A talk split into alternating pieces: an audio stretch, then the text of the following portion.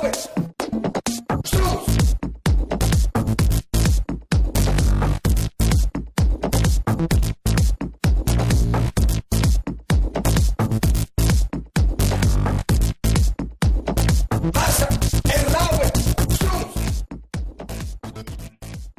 och välkomna till eh, Bundesliga-podden som återigen kör och idag så är vi en trio. Det är jag och eh, så har vi Andreas.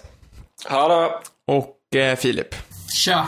Så att eh, det är väl, eh, ja, vi tre brukar ju vara med. Så att det, är inga, det är inga överraskningar där om man säger så. Eh, och jag tänker att vi hoppar rätt in på det då. Med Supercupfinalen som spelades i söndags och jag menar Andreas, det blev ju en återkomst i form av Mats Hummels, men inte Mario Götze, men bara, ja, vad intryck av matchen som Bayern gick och vann med 2-0? Eh, ganska avslagen match när den väl kom igång. Det var ju rätt så upphausat inför. Eh, sen så eh, tyckte jag Dortmund stod upp eh, bra första halvlek men eh, orkar inte hålla ihop den in i slutet. Och, eh, ja, rättvis seger för Bayern München. Man får ändå säga att Dortmunds första 45, så Bayern kan ju skatta sig lyckliga över att de inte gick in i ett underläge i halvtid. Ja, precis. Nej, men det fanns mycket... Dortmund hade ju sina chanser. Eh, Men det fattades i, i avsluten tyckte jag. Ehm, lite eh, tveksamt hur Tuchel tänkte med att ställa upp med eh, både Ramos och Aubameyang men man fick inte riktigt till någon eh, eh spets och eh, sen hade man en, en eh, Dembele som eh, Kändes som att han eh, hade behövt eh, lägga sig i frysen en eh, halvtimme innan han kom in till den här matchen för att han var lite väl övertänd kan man tycka. Han var astaggad på att få premiärspela i en, en tävlingsmatch för, för Dortmund. Alltså man säga. riktigt. Han gjorde vissa saker bra, men vissa saker gick ju inte riktigt eh, vägen till följd av att han var lite väl laddad. Filip, eh, vad tyckte du om matchen? Eh, nej, men det var en underhållande historia. Men det var inte heller förvånande att Bayern tog hem det till slut. Men det är som du säger, att Dortmund hade sina chanser och eh, hade man bara satt dit dem där i första halvleken så hade det kunnat bli en helt annan historia än vad det slutade med. Och vi såg ett Bayern som spelade väldigt annorlunda gentemot eh, Dortmund än vad de har gjort under de senaste tre säsongerna med, med Guardiola. Eh, betydligt mindre boll, eh, mer kontringsinriktat, mer försvarsinriktat. Alltså det gick ju att dra rätt snabba liksom eh, slutsatser kring förändringar som bara som har skett på de senaste två, tre månaderna. Mm, absolut. Eh, känns det också som i och med värvning utav Hummels bland annat också som att man det är ett eh, eh, Carlo Ancelotti-lag med som eh, ska börja betydligt starkare bakåt än framåt. Och, eh, tyckte det, precis som du säger, det märktes ganska tydligt att det var en eh, ny tränare vid, eh, vid sidan av även om man säkert inte var, kände sig helt säker efter de första halvleken.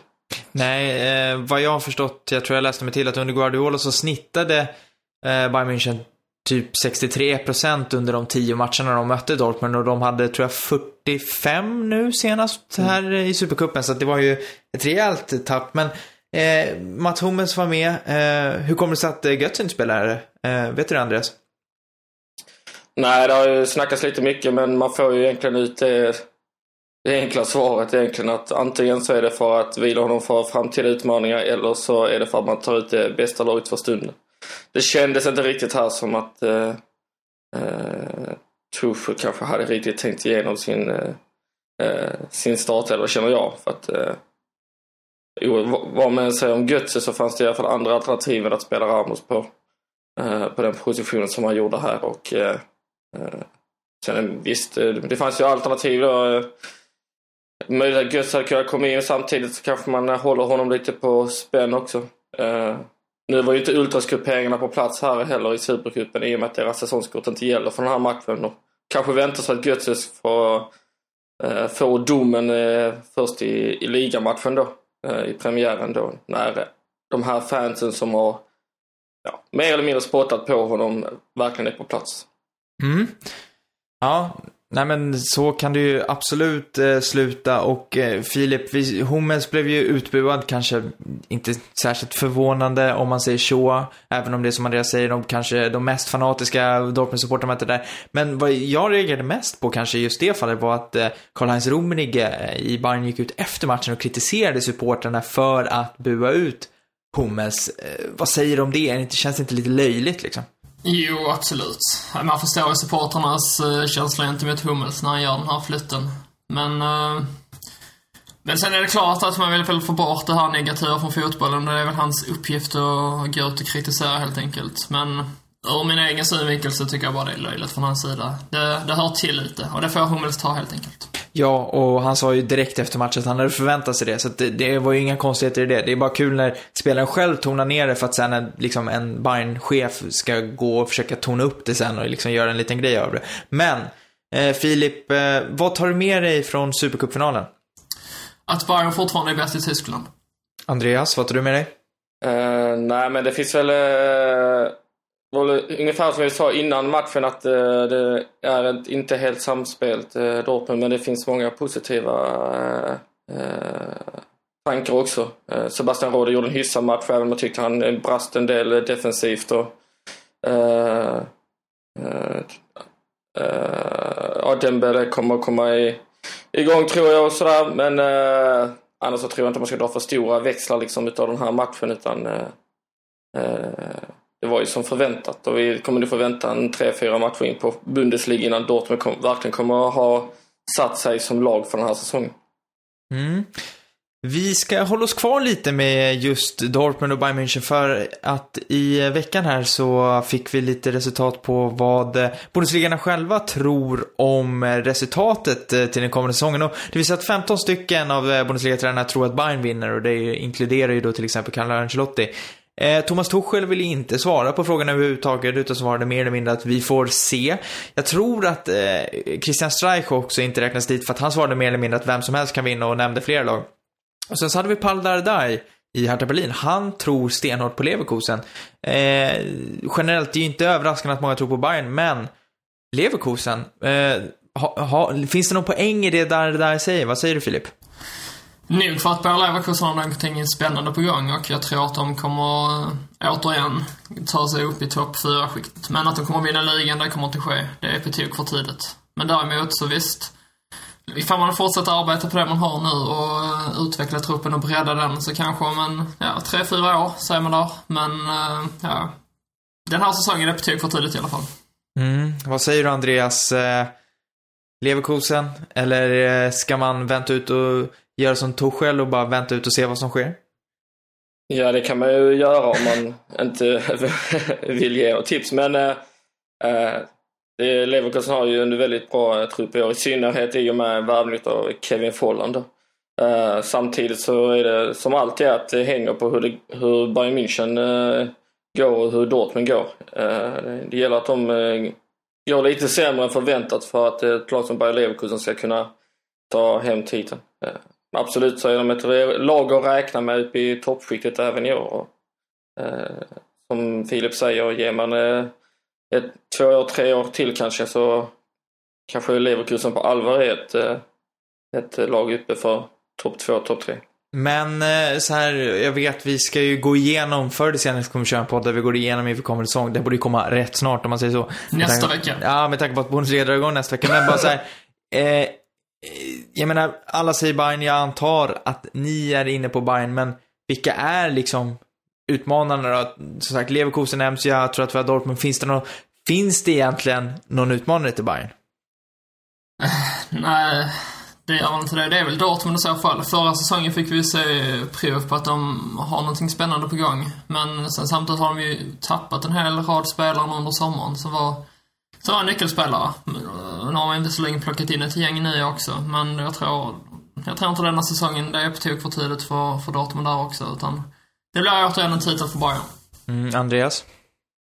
Uh, nej, det enda utmanaren är ju eh, Dortmund. Uh, uh, enda utmanaren för Bayern München då. Dortmund i sin tur känns som att de har lite mer uh, lite större problem då med lag som exempelvis Leverkusen och, och Schalke och så vidare. Medan Bayern München känns som ett stabilare och säkrare lag. Eh, jag måste ju nu på något sätt eh, tro att Dortmund kan utmana Bayern München i år men eh, det kommer ju bli eh, lika svårt som alltid. och- Men det kanske är dags att eh, flytta på den där tallriken ett snäpp åt nordväst på en säsong. Ja, vi får eh, se helt enkelt. Eh, En av tränarna som var med i omröstningen har också blivit utnämnd till eh, årets tränare såklart i ligan och det blev ju Dirk Schuster i Darmstadt, numera i Augsburg, som efter att ha hållit Darmstadt kvar i Bundesliga fick den utmärkelsen. Eh, tycker inte vi ska gå in särskilt mycket mer på det, mer än att man kan säga att ja, han har ju, det var ju, det känns ju rimligt på många sätt och vis. faktiskt. Det var ingen som trodde på dem. Nej, absolut ingen. Och det är ingen som tror på, dem, på Darmstadt i år i, i, heller. men, säga eh, men eh, på Dirk Schuster är det nog många som tror däremot. Men det jag vill prata om var ju att eh, Jerome Boateng blev utnämnd till årets spelare av kicker, vilket är en stor utmärkelse i Tyskland. Och det är den första försvararen sedan Jürgen Kohler eh, 1997 att bli utnämnd till, till årets spelare i, i Tyskland. Och första så här, tanken, rätt eller fel, Filip? Ja, men det är helt rätt. Däremot så spelade han inte mer än vad det var 19 matcher i ligan förra säsongen på grund av skador. Så det kan man visserligen diskutera, men jag tycker helt klart att han har gjort sig förtjänt av den titeln. Definitivt. Andreas? Mm, jag håller med. Jag tycker han är Bundesligas bästa eh, spelare och samtidigt också kul att en defensiv spelare får en eh, sådan utmärkelse. Eh, det är inte alltid så.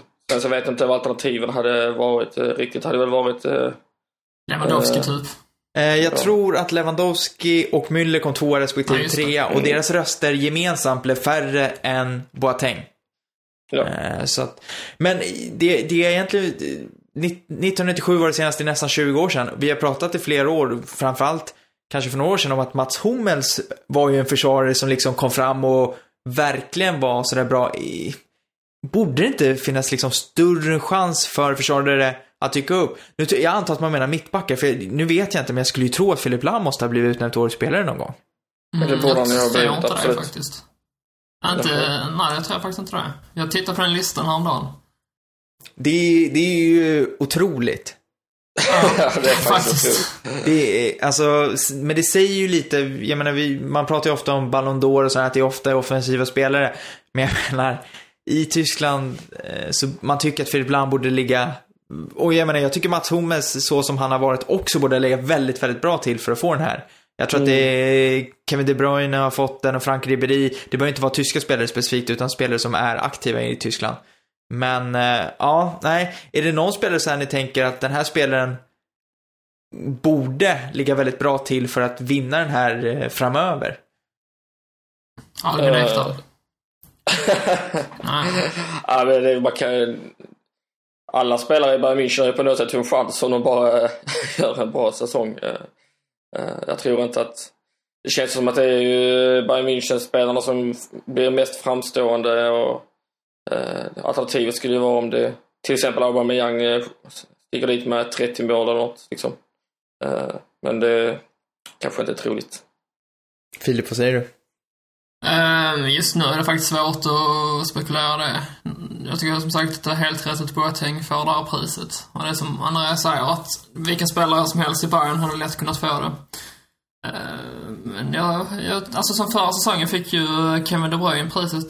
Och det var ju högst välförtjänt. Och en annan spelare som kan göra en liknande säsong som han så ska ju den definitivt ha det priset. Mm, man hade ju kunnat tro att Henrik Mkhitaryan skulle lägga bra till i år. Men eh, icke. Ich habe fertig.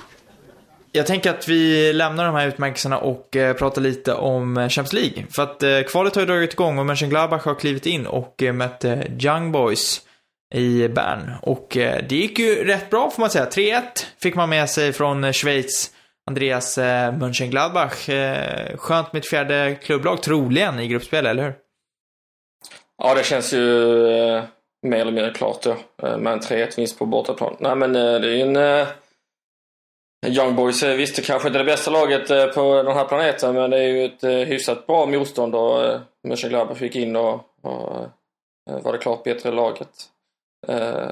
Schubert testade på en lite mer offensiv elva kan man väl, kan man väl säga, där Rafael ser ut att komma rätt in i den här säsongen och han har väl en förmåga att vara väldigt bra i början på säsongen så det är inte helt omöjligt att han Eh, fortsätter på den biten. Sen också kul att André han är, eh, kom med i målprotokollet som hade en eh, tuff fjolårssäsong efter att ha blivit eh, skadad där i samband med mötet mot Schalke då, guys. Ehm, jag, eh, jag tror att Borussia Mönchengladbach kan eh, göra en, en, en, bra säsong här framöver. om Schubert lyckas hitta tillbaka till där allting började då. Vad eh, tror du om Mönchengladbachs chanser i eh, ett eventuellt gruppspel, Filip? För att jag menar, förra säsongen gick de dit, hamnade i en svår grupp och var ju ändå hyfsat nära att ta sig vidare om de inte hade inlett så dåligt bara. Eh, hur, hur, bra är Mönchengladbach? Naturligtvis beror det helt och hållet på vilka lag man eh, får i sin grupp, men jag tycker att Gladbach känns här på förhand som ett, som ett starkt lag som mycket väl kan ta sig långt i turneringen. Och med långt menar jag då, ja, en kvartsfinal kanske.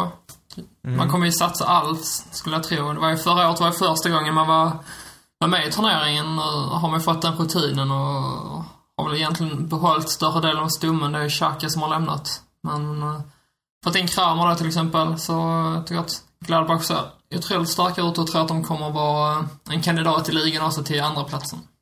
Det de behöver sy ihop lite här är ju eh, försvaret då, där de kanske är Mönchengladbachs svaga punkter. Eh, men eh, får väl se lite hur Westergård reagerar och eh, den gode Andreas Christensen då. Ja, vi ska komma ihåg att de hade ju jättemycket skador i försvaret just förra säsongen. Mm, och då klev ju Christensen och Elvede fram som riktiga kuggar trots deras unga åldrar i, i försvaret. Inledde ju inte så bra borta mot Dortmund som vi kanske minns. Men eh, vad jag tänkte nämna var Oskar Wendt spelade ju 90 minuter och eh, fortsätter ju att kännas rätt given i det här Mönchengladbach, vilket kanske inte egentligen det känns ju inte helt rimligt. Man har ju inte sett honom kanske i svensk, svensk publik som inte följer Bundesliga har ju inte sett honom så mycket. Men nu kanske vi äntligen får se honom i landslaget med Jan Andersson. Han borde ju vara given, eller hur? Ja. Nu när inte Zlatan är där är han väl egentligen den spelaren som ska vara mest given. Och Isaksson är också borta, så Oskar Wendt borde vara den spelaren som alltid finns med i startelvan enligt mig. Håller du med om det, Andreas? Ja, ja bevisligen håller du med om det. Eh, Men som sagt, eh, Gladbach med största sannolikhet eh, till eh, Champions League-gruppspel och därmed fyra tyska lag i Champions League-gruppspelet igen, vilket alltid är bra för den här koefficienten, trots att de, jag såg någonting om att de skulle göra om reglerna så att de topp fyra ligorna får väl fyra lag i Champions League på något sätt. Ja, strunt samma, vi släpper det. Eh, jag tänker att, eh, ja vad tänker jag? Jo, från en svensk till en annan. Alexander Milosevic är tillbaka i Bundesliga och han lämnar ju Hannover som åkte ur och hamnar i Darmstadt som jag tror kommer åka ur. Eh, oh, vad säger man om det? Vad, vad, Filip, vad säger du? Milosevic i Darmstadt? Jag tycker det är först och främst jättekul att han är tillbaka i Tyskland. Och när jag träffade honom då i våras så sa han ju det att han ville jättegärna vara kvar i Bundesliga. Och det fick han vara nu, även om det bara blir för en säsong. Det är ju en utlåning återigen. Och som du säger så kommer ju Darmstadt förmodligen att, att åka ut och det kommer han ju få göra med klubben då. Men det är ett sätt för honom också att visa upp sig och kanske skaffa lite intressenter från andra lag i ligan. Det har ju snackats en del tidigare om att till exempel Augsburg var intresserad av honom så här. Eh, så det kanske blir hans stora genombrott då i, i Tyskland nu, när han får en hel säsong. Förhoppningsvis får han vara skadefri också, så får han visa upp sig och, och kanske bli värvad av en annan klubb. Ja, och bilda mittbackspar med Aitak Sule är inte fy skam, men Milosevic i Darmstadt, eh, liksom vad kan man förvänta sig av Milosevic där, Andreas? Vi såg ju ändå att han ja, var rätt bra i ett Hannover, men det är, i min värld så är Milosevic en spelade mittback. Hur mycket av den, liksom den varan kommer han få visa upp i Darmstadt? Nej, men det var ju lite det han gjorde emellertid riktigt väldigt bra liksom i, i Hannover, men det var inte direkt att han lyfte laget rent eh, eh, tabellmässigt heller, eller att han Eh, till att vinna några matcher. Ehm, jag vet inte, jag tycker det är lite, eh, även om det är så är det lite märklig flytt. Jag hade hellre kanske tyckt att han skulle spela i, kvar i Hannover då i så fall och eh, hjälpa dem eh, eh, upp i Bundesliga. Jag tror att det hade blivit ett mer, eh, med tanke på Hannovers hittills i alla fall eh, överlägsenhet i Schweiz, hade blivit ett mer rätt passande spel och läge liksom. Nu kommer det bli ett evigt tillbakapressande hela den här säsongen och jag är inte så säker på att Milosevic är, är tillräckligt bra för att förstärka Darmstadt i, i det skedet. Det tror jag faktiskt att han är. Ja, nej men... typ- Alltså... tyst. det får du väl tro. Nej, jag, jag, det skulle inte få mig ett dugg om Milosevic liksom gör en rätt bra säsong. Det, det är oftast rätt tacksamt att vara försvarare i ett lag som eh, liksom förväntas ligga i botten. Han kommer ju för mycket att göra och det kommer se bra ut oavsett om de förlorar med Liksom, om de släpper in två, tre bollar så kan han ju ändå se bra ut. Vi vet ju, jag tänker alltid på Mattias Hugosson i Gävle liksom. Gävle låg alltid i botten av tabellen. Man hyllade alltid Mattias Hugosson för att man kunde trots allt ha släppt in fler bollar om det inte vore för Hugosson. Eh, får lite känslan av att Milosevic kan få liknande så här effekt i, i Darmstadt. Men eh, det är bara jag. Men det är inte bara Milosevic som faktiskt har blivit, blivit klar idag. Den stora affären av vad det verkar, det är ju inte officiellt än, men mycket tyder på det, är att Mario Gomez kommer tillbaka till Tyskland och till Wolfsburg. Eh, bra värvning, eller hur Filip? Alltså alldeles strålande värvning för Wolfsburg. Speciellt efter allt strul som har varit nu med att spelare har velat fly klubben. Nu kan man bevisa för alla som har tvivlat att man, att man har någonting spännande på gång och Gomez är verkligen en toppvärvning. Och får man då behålla Draxler så kan det mycket väl bli giftet framåt när, när de andra klubbarna ställs mot Wolfsburg. Vad, eh, vad, vad tycker du om värvningen, eh, Andreas? Nej, grymt. Bas Dost och Mario Gomez alltså, det kommer ju bli eh, två bulldozrar eh, längst fram. Ja, det är ju Eh, stökigt i motståndarnas box alltså. det kommer att bli eh, häftigt och så eh, Didavi och Draxler och, och så vidare där bak. Och, plus att inte glömma att Wolfsburg också värvade Kuba då. Så att det känns som att de eh, har ett... Eh, ja men det var väl lite kanske en riktig måltjuv och sådär som fattades. Så, eh, det har man fått i Gomez nu. Men framförallt svinkul att han är tillbaka i Bundesliga. Eh, jag menar, vi pratar, det är många klubbar som har värvat väldigt intressant under sommaren. Wolfsburg har ju tappat fler tjänster som än vad de har värvat. Är Mario Gomes spelare som kan göra skillnaden i, i tabellplaceringar, tror du, i slutändan, eh, Filip? Det tror jag definitivt. Eh, man såg ju hans säsong i Besiktas här, om inte jag personligen kollar på alla matcherna där, eller ens någon, så har man förstått att han har gjort det alldeles fantastiskt och under några EM så gjorde han ju inte heller dåligt, kan man inte påstå. Så nu kan han, eh, nu kan han höja Wolfsburg och det är precis vad de behöver som sagt. Jag tror verkligen han kommer göra succé. Ant, antingen kommer han att göra tre mål på hela säsongen eller så kommer han göra typ 18. Ja, Jag tror han är en kandidat för skytteligan faktiskt. Ja, man kan ju undra, är det, är det Niklas Bentner-varning på Gomes? Fan, men jag har låga förväntningar på honom. Ja, det får man, får man ens ge Bentner-varning. Nej, men jag vet inte. Det är, det är svårt att säga. Han har ju ett generellt ett väldigt bra målfacit i Bundesliga, så att han borde ju bli en lyckad värvning. Eh, eh. Men jag är inte helt övertygad om Wolfsburg rent generellt, men det är ju en push i rätt riktning. Men tänk ändå en Draxler, en Draxler i form där som kan spela fram bollarna till Gomes, så kommer det att bli mål hela tiden. Känns väl lite, absolut, absolut. Det, det tror jag. Men det känns väl lite också som att det var lite tvunget för Wolfsburg att presentera ett stort namn just för hela den här Draxler-grejen att lägga sig lite i lä och för Draxlers del att visa på att, ja men kolla, vi, vi tar in en annan landslagsman eller gärna en till. Vi får ju se, det, mycket kan ju fortfarande ske i Wolfsburg. Jag såg senast igår så pratades det om att Luis Gustavo kan få fritt spelrum att lämna om det skulle vara så, vilket skulle vara en stor förlust och Ricardo Rodriguez vet vi aldrig vad som sker runt så att det blir spännande att se men sådär, eh, ja, enkelt sagt. Wolfsburg blir klart intressantare att följa med, med Gomes-laget. Ja, Yes. och nästa måste ju innebära att Simone Sasa nu är avskriven. Tack och lov. Eller hur? Trött jäkla snack kring Sa- Det var ju snack redan förra sommaren. Han verkar inte, han var ju inte intresserad. Alltså, det var, förra året var det exakt samma läge kändes som. Wolfsburg gick med på Juventus villkor, men Zaza själv ville ju inte ens gå till Tyskland. Han ville inte vara i Wolfsburg. Vad, vad håller de på med? Släpp det! Släpp det, Klaus Alof. Släpp det, känner jag bara. Eh, Filip. Ny, Yes. ny lagkapten i Hertha Berlin. Japp. Vedat Ibisevic. Ibisevic. Vad säger vi om det? det är, känslan är att det, det kommer till följd av uttåget mot Bröndby i Europa League. Ja, det är ju där det grundar sig. Lustenberger gjorde en dålig insats i båda mötena då och och det är väl helt enkelt det som ligger i grund för det hela skulle jag tro. Lite krisvarning för Hertha Berlin får man ändå säga, som byter kapten nu med en vecka kvar till premiären. Är Vedad Ibisevic den minst lagkaptenaktiga lagkaptenen i Bundesliga, Andreas? Oj, tuff fråga. Ja, eh, ah, ah, ah, alltså han har kanske inte det här uh, lugnet och kanske inte heller, i alla fall den bilden man har, den här uh, riktiga uh, omfamnande lagkärleken som man brukar se hos många uh, lagkaptener. Men visst, han, däremot har han ju pondus och det kanske är det som behövs i Hertha. Alltså, jag får inte känsla av att det är Bisevic som går fram och pratar med domaren till förmån för sina lagkamrater. Nej, det, ja, men han känns inte som politikern liksom.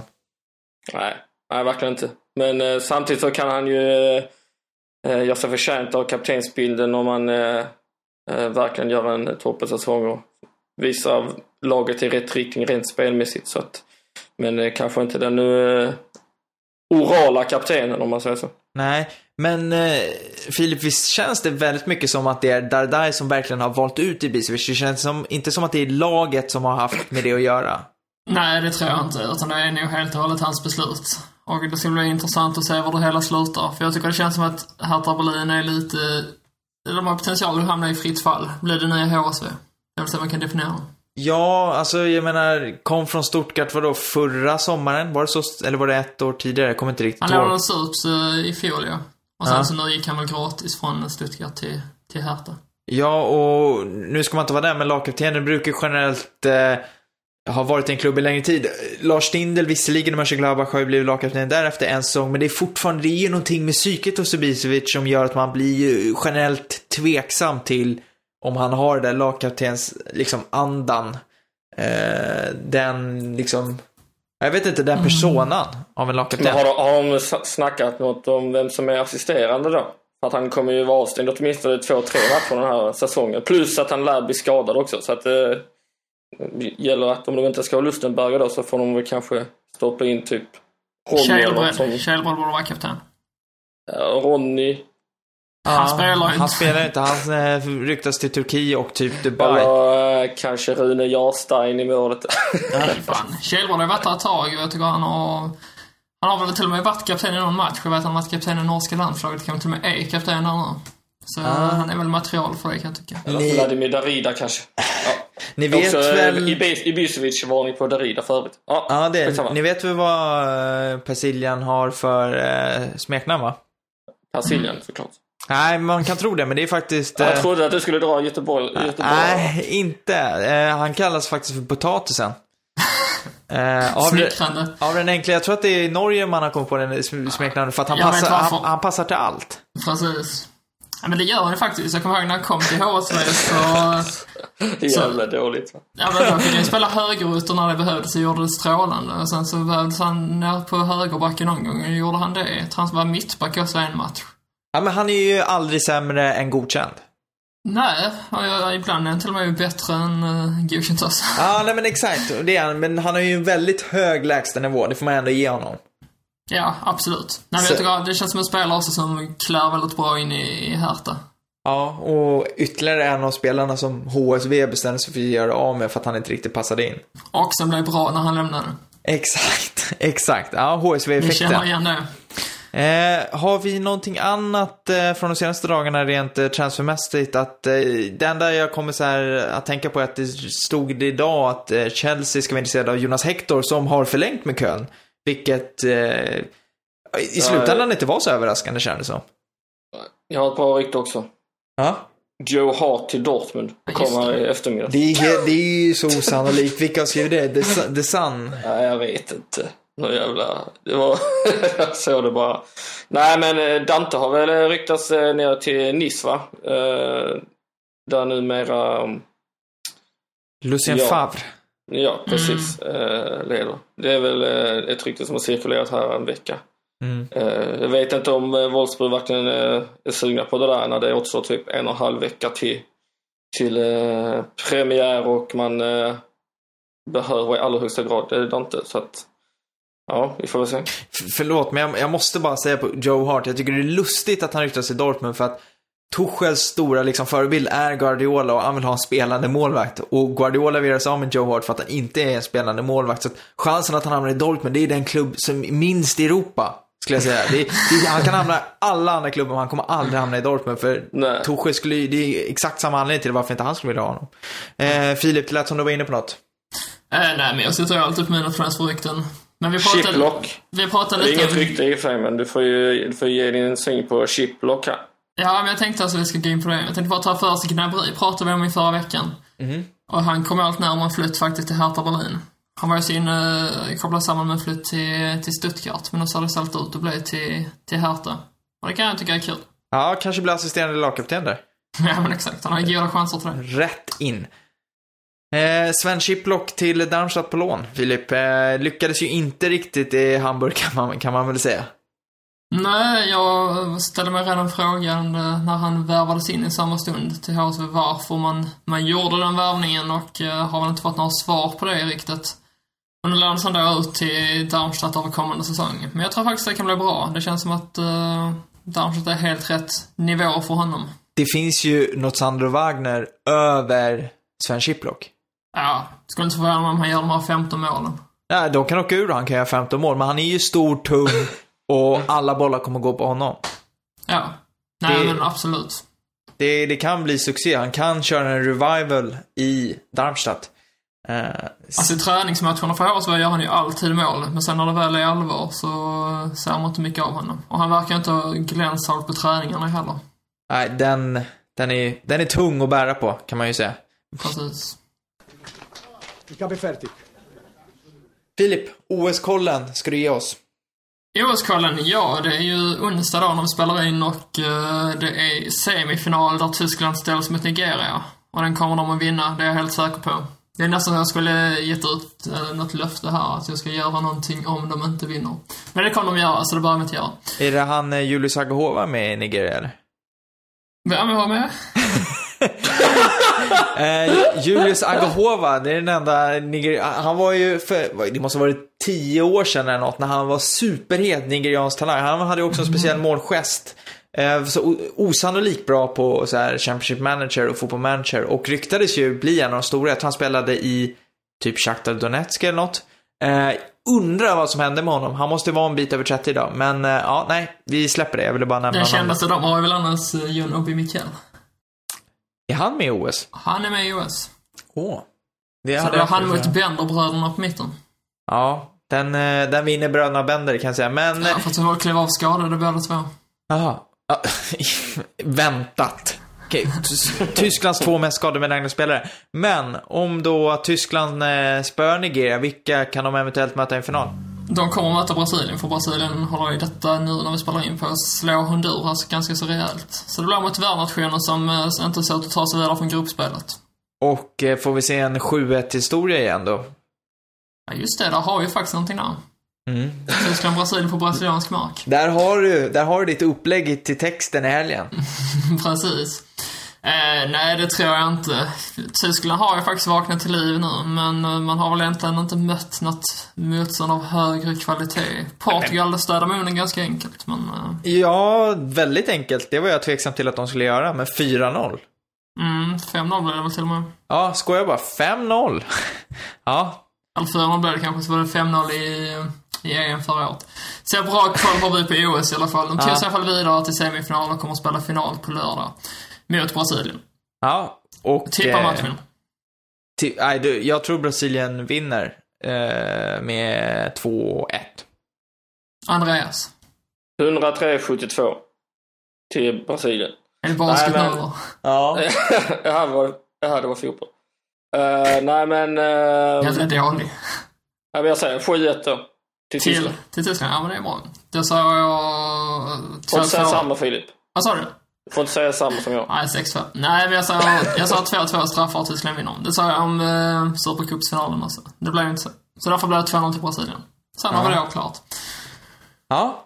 Eh, från OS till, jag vill bara nämna det för att jag tyckte Andreas, eh, du twittrade om det men eh, poängen som jag vill ha med Zweite Bundesliga, som jag, eller som jag tycker är intressant, eh, du sa att det var två lag som låg på sex poäng och det stämmer ju, det är Hannover och Eintracht Braunschweig. Och det är bara ett lag som inte har tagit poäng och det är St. Pauli som förra åren, året länge var med och slog som tredjeplatsen. Alltså, Nordlagen berör.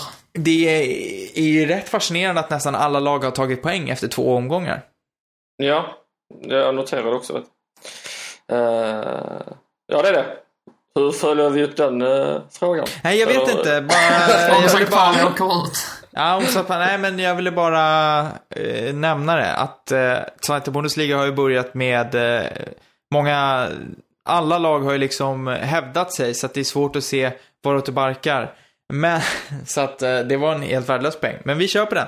Eh, I helgen så har vi Tyska kuppen och eh, det sätter ju igång så att säga när ni lyssnar på det här så är det ikväll med eh, bland annat så kliver Bayern München in i Tyska kuppen första omgången mot Carl Zeiss Jena. Ni tänker sig Carl Zeiss, det har jag sett någonstans. Ja, de gör, eh, känner för optik på kameror och liknande. Eh, men eh, Filip, vad har vi för intressanta, riktigt intressanta möten från helgens eh, Tyska kuppen skulle du säga? Eh, Det är väl egentligen bara ett i mina ögon och det är det mellan de äkta och de falska. Dynamo Dresden mot RB Leipzig. Ett riktigt eh, hatmöte. Mm, I Dresden då dessutom, så det kommer ju nog bli eh, ganska så hyfsad stämning. Mm, jag skulle säga att det är en av Tysklands eh, vackraste städer faktiskt. Eh, Men jag menar, eh, vi pratade lite innan vi satte igång och spelade in, så utöver Dresden-Leipzig, jag kan ju ställa frågan, hur tror du det kommer gå? I Dresden Leipzig. Ja, Eh, Man vill ju gärna se den vackra historien om att Dresden besegrar då Leipzig, men det lär inte ske. Jag tror att Leipzig städar undan Dresden hyfsat enkelt. Trist för Dresden att de tappade Justin Eilers till Bremen inför säsongen, en riktig målskytt. Men de har kvar Pascal Testerot som jag tror stenhårt på. Andreas, vad tror du det slutar i Dresden-Leipzig? Eh, Dresden vinner på straffar. Ja, det var, det var, det var tips med baksidan av handflatan. Eh, men vi pratade om att eh, Hamburg gick upp mot Zwickau som, ja, om vi ska prata om Hamburg så borde de rimligen åka ur, eller vad säger du Filip? Absolut, och jag åker direkt. Det är lika bra. Satsa allt på ligan istället. Nej, för det var väl så att Zwickau hade slagit ut ett Bundesliga-lag förra säsongen?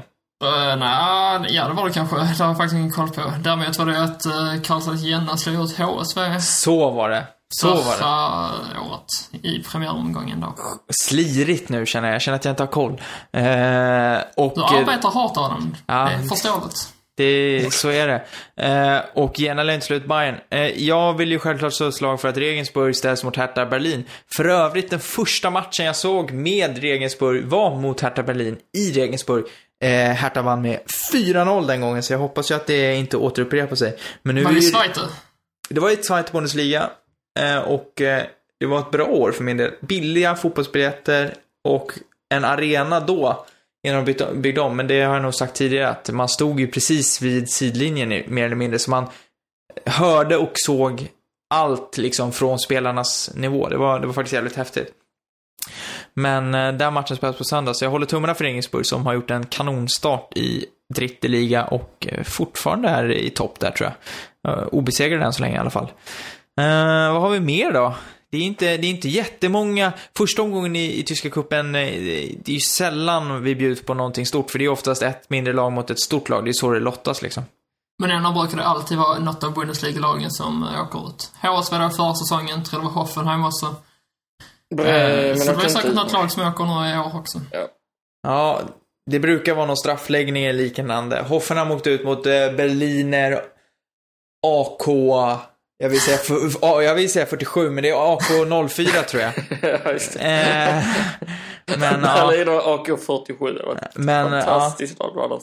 så att eh, det minns jag, det var två år sedan. Eh, Det känns som att Aue mot Ingolstadt skulle kunna sluta med en uh, skrällseger för Aue. Ja, Aue ska vi inte, det är, jag är medlem där så att jag håller ju tummarna för. Aue också. Eh, men ja, nej, det, nu känns det som att vi går på tomgång. Eh, är det någonting mer vi eh, bör prata om innan vi eh, har avslutat veckans avsnitt? Mm. Nej. Nej, det har varit tyst om Pierre Bengtsson kan vi väl bara säga. Väldigt tyst. Eh, det skrevs ju att eh, Hoffenheim var sugna där. Och eh, sen dess har det stått stilla. Det är Precis trist. som i podden. Ja. Och eh, Josef Baffo i eh, Kickers 11 för helgen som var också. Ja, det är fan skoj. Ja, det, är- det är bra i Braunschweig som, som jag har inlett eh, Zweite bra som vi sa. Tvåa i tabellen. Nej, det här, det här håller inte. Det här är inte kvalitet. Eh, vi har ju premiären om en vecka och innan dess så ska vi hinna gå igenom Bundesliga på ett eller annat sätt. Så det lär ju bli mycket Bundesliga-podden nästa vecka. Det räcker nog inte Ska med vi ett avsnitt. två avsnitt, minst? Nej, jag skulle tro att det blir minst två avsnitt. Eh, Det, det känns så. Och... eh, Vi säger tre. vi säger tre. Ja, herregud, du ska ju fylla ut det. Eh, Men eh, bara så här fråga Filip, kommer du skriva någon inför eh, Bundesliga-starten grej? Jag har ju satt igång med en krönika om varje lag. Jag tog Bremen idag. Var, var är du på den listan så att säga? Jag tänkte jag skulle köra igång nu med start på söndag eller måndag. Och så kör jag tre lag per, per dag. Så att det blir lagom till premiären på fredag. Herregud. Eh, lite tippning ska vi ha då också. Det är ju alltid kul att se hur fel man har eh, när säsongen Nej, väl avslutas. Tänkte jag skulle publicera en tabell också som eh, får bli stående.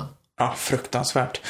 Vi kanske Eh, kör en Bundesliga podden-tabell och tävla mot varandra. mm. Och gå Det- igenom sen i slutet. Det borde vi göra. Och Andreas, du borde ju slå ett slag för vadå? Fantasy? Just det. Fantasy.bundesliga.com Ligan heter Bundesliga Schweden. Eh, lösenord Sverige. Eh, kommer att vara med. Ja, Vi eh, får är stryk. 28, styck, 28 stycken just nu. Eh, det är en två tredjedel av den här podden eh, behöver eh, ja, få upprättelse efter sin insats förra året. ja, den var bedrövlig förra säsongen faktiskt. Jag borde nästan dra mitt lag. Har du ett lag? Ja, Du har redan, du har redan spikat ett lag. Jag tror, ja, men det har jag. Jag orkar inte Tänk om, tänk om det kommer en korsbandsskada på... eh, på ja, vem kan du ha valt? Milosevic imorgon. Och så. Han blev klar nu för någon timme som var. Ska jag dra mitt lag eller? Ja, men dra ditt lag Filip. Vad har du valt i Fantasy Bundesliga? Det är ju, nu är det ju experten som pratar, Dra, så nu dra är, det, nu är det upp till folk att ta fram papper och penna och skriva upp. Här får de tipsen. Jag har eller bara spola, fyra på eller spola tillbaka och trycka play. Ja, exakt. Så kan Ja, men mellan stolparna. Ni kan få gissa, vem har jag mellan stolparna? Rene Adler. Nej. Nej, det tror jag inte. Jag tror att du har eh, ett lag som Men- är defensivt starkt. Eh, Sommer. Ja, helt rätt. Ja. Och sen har jag då två ytterbackar, båda är vänsterbackar egentligen. Mm. Jonas Hector? Nej. Ostrosolek. Nej. Nej, den, den känns ju... Oskar Wendt och David Alaba. Ah, okej. Ja, ja. Ja. Och sen i mitten har jag Jonathan Tah och Kleber. Eh, tre man i mittfält, så det är inte så defensivt och spelarna där är inte heller så defensiva för det är Alen Halilovic, Nikolaj Müller och Mikael Gregoric. Knappt färgad. Nej, okej, ja. Och var du på topp tre då? Topp tre är faktiskt riktigt uh, sjuk. Det är uh, Lewandowski, Aubameyang och Max Kruse. Du har lagt alla stålar på ditt anfall. Ja, men samtidigt tycker jag, om man kollar på ytterbackarna, Wendt och Alaba är ändå två av de bästa ytterbackarna i ligan. Kommer Absolut. säkert bidra med en hel del assist. Men det där mittfältet, hej kom och hjälp mig alltså. Vadå? Fick du pega tillbaka då du valde att spela eller? Hallå, Müller gjorde nio mål förra säsongen. Halilovic kommer vara hur grym som helst och Gregoric, han är ju, han kommer få sitt genombrott i år så. Ja, Och sen, sen har jag dessutom Bahoui på bänken. Så det är liksom... får man ha så många Hamburg-spelare i en och samma trupp? Det låter helt äh, där, där är osannolikt. något sån upplaga man inte får ha det, men i denna är det tydligen fritt fram. Eh, Kicker som man inte får ha det. Men här är det Ja, lugnt. ja, Men vill helt... man ha hela Hamburgs elva Nej, tveksamt. Då får, då får man ha det. Andreas, har du valt din elva? Eh, nej, det skulle jag inte påstå. Nej, okej. Men jag har, och, och jag kan, har ju både Lewandowski och Aubameyang i min trupp, vet jag. Ja, jag kommer köra på detta i alla fall. Ja, nej men vi kan återkomma inför eh, nästa vecka och se om det har skett några förändringar i Philips trupp. Det är ju inte troligt och sen så kan jag delge vad jag har valt och så får Andreas delge sin trupp. Det, det kan ändå vara kul och det kan vara en, en, en kul punkt att prata om, antingen hur bra eller hur dålig man är. Jag vill ändå påpeka att jag kommer från en stark fantasy som, inte, inte i Bundesliga, men i Premier League. där Jag slutade tvåa i den Det ligan var är inte där. samma sak, det är inte samma sak. Nej, jag har inte börjat så bra i år där. Men eh, i vilken fall, eh, nästa vecka kommer det bli mycket poddande och Yes. eh, vi ska försöka hinna med så mycket som vi bara kan. Eh, innan vi lämnar er som alltid, vad hittar man er på sociala medier? Det är ju generellt eh, Twitter. Vi börjar med Andreas. Ja, först bara i detta nu så är det officiellt att Gomes hamnar i Wolfsburg. Eh, och ni hittar mig på Schnabela Andy Holm. Och Filip, vad heter vi dig?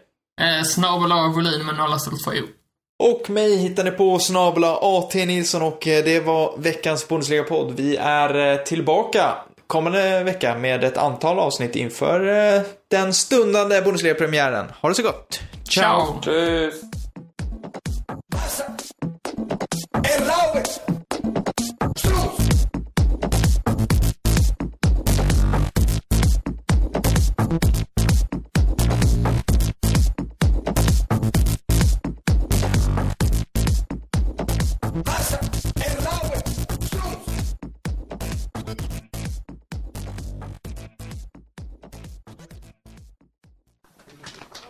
Cabeferti.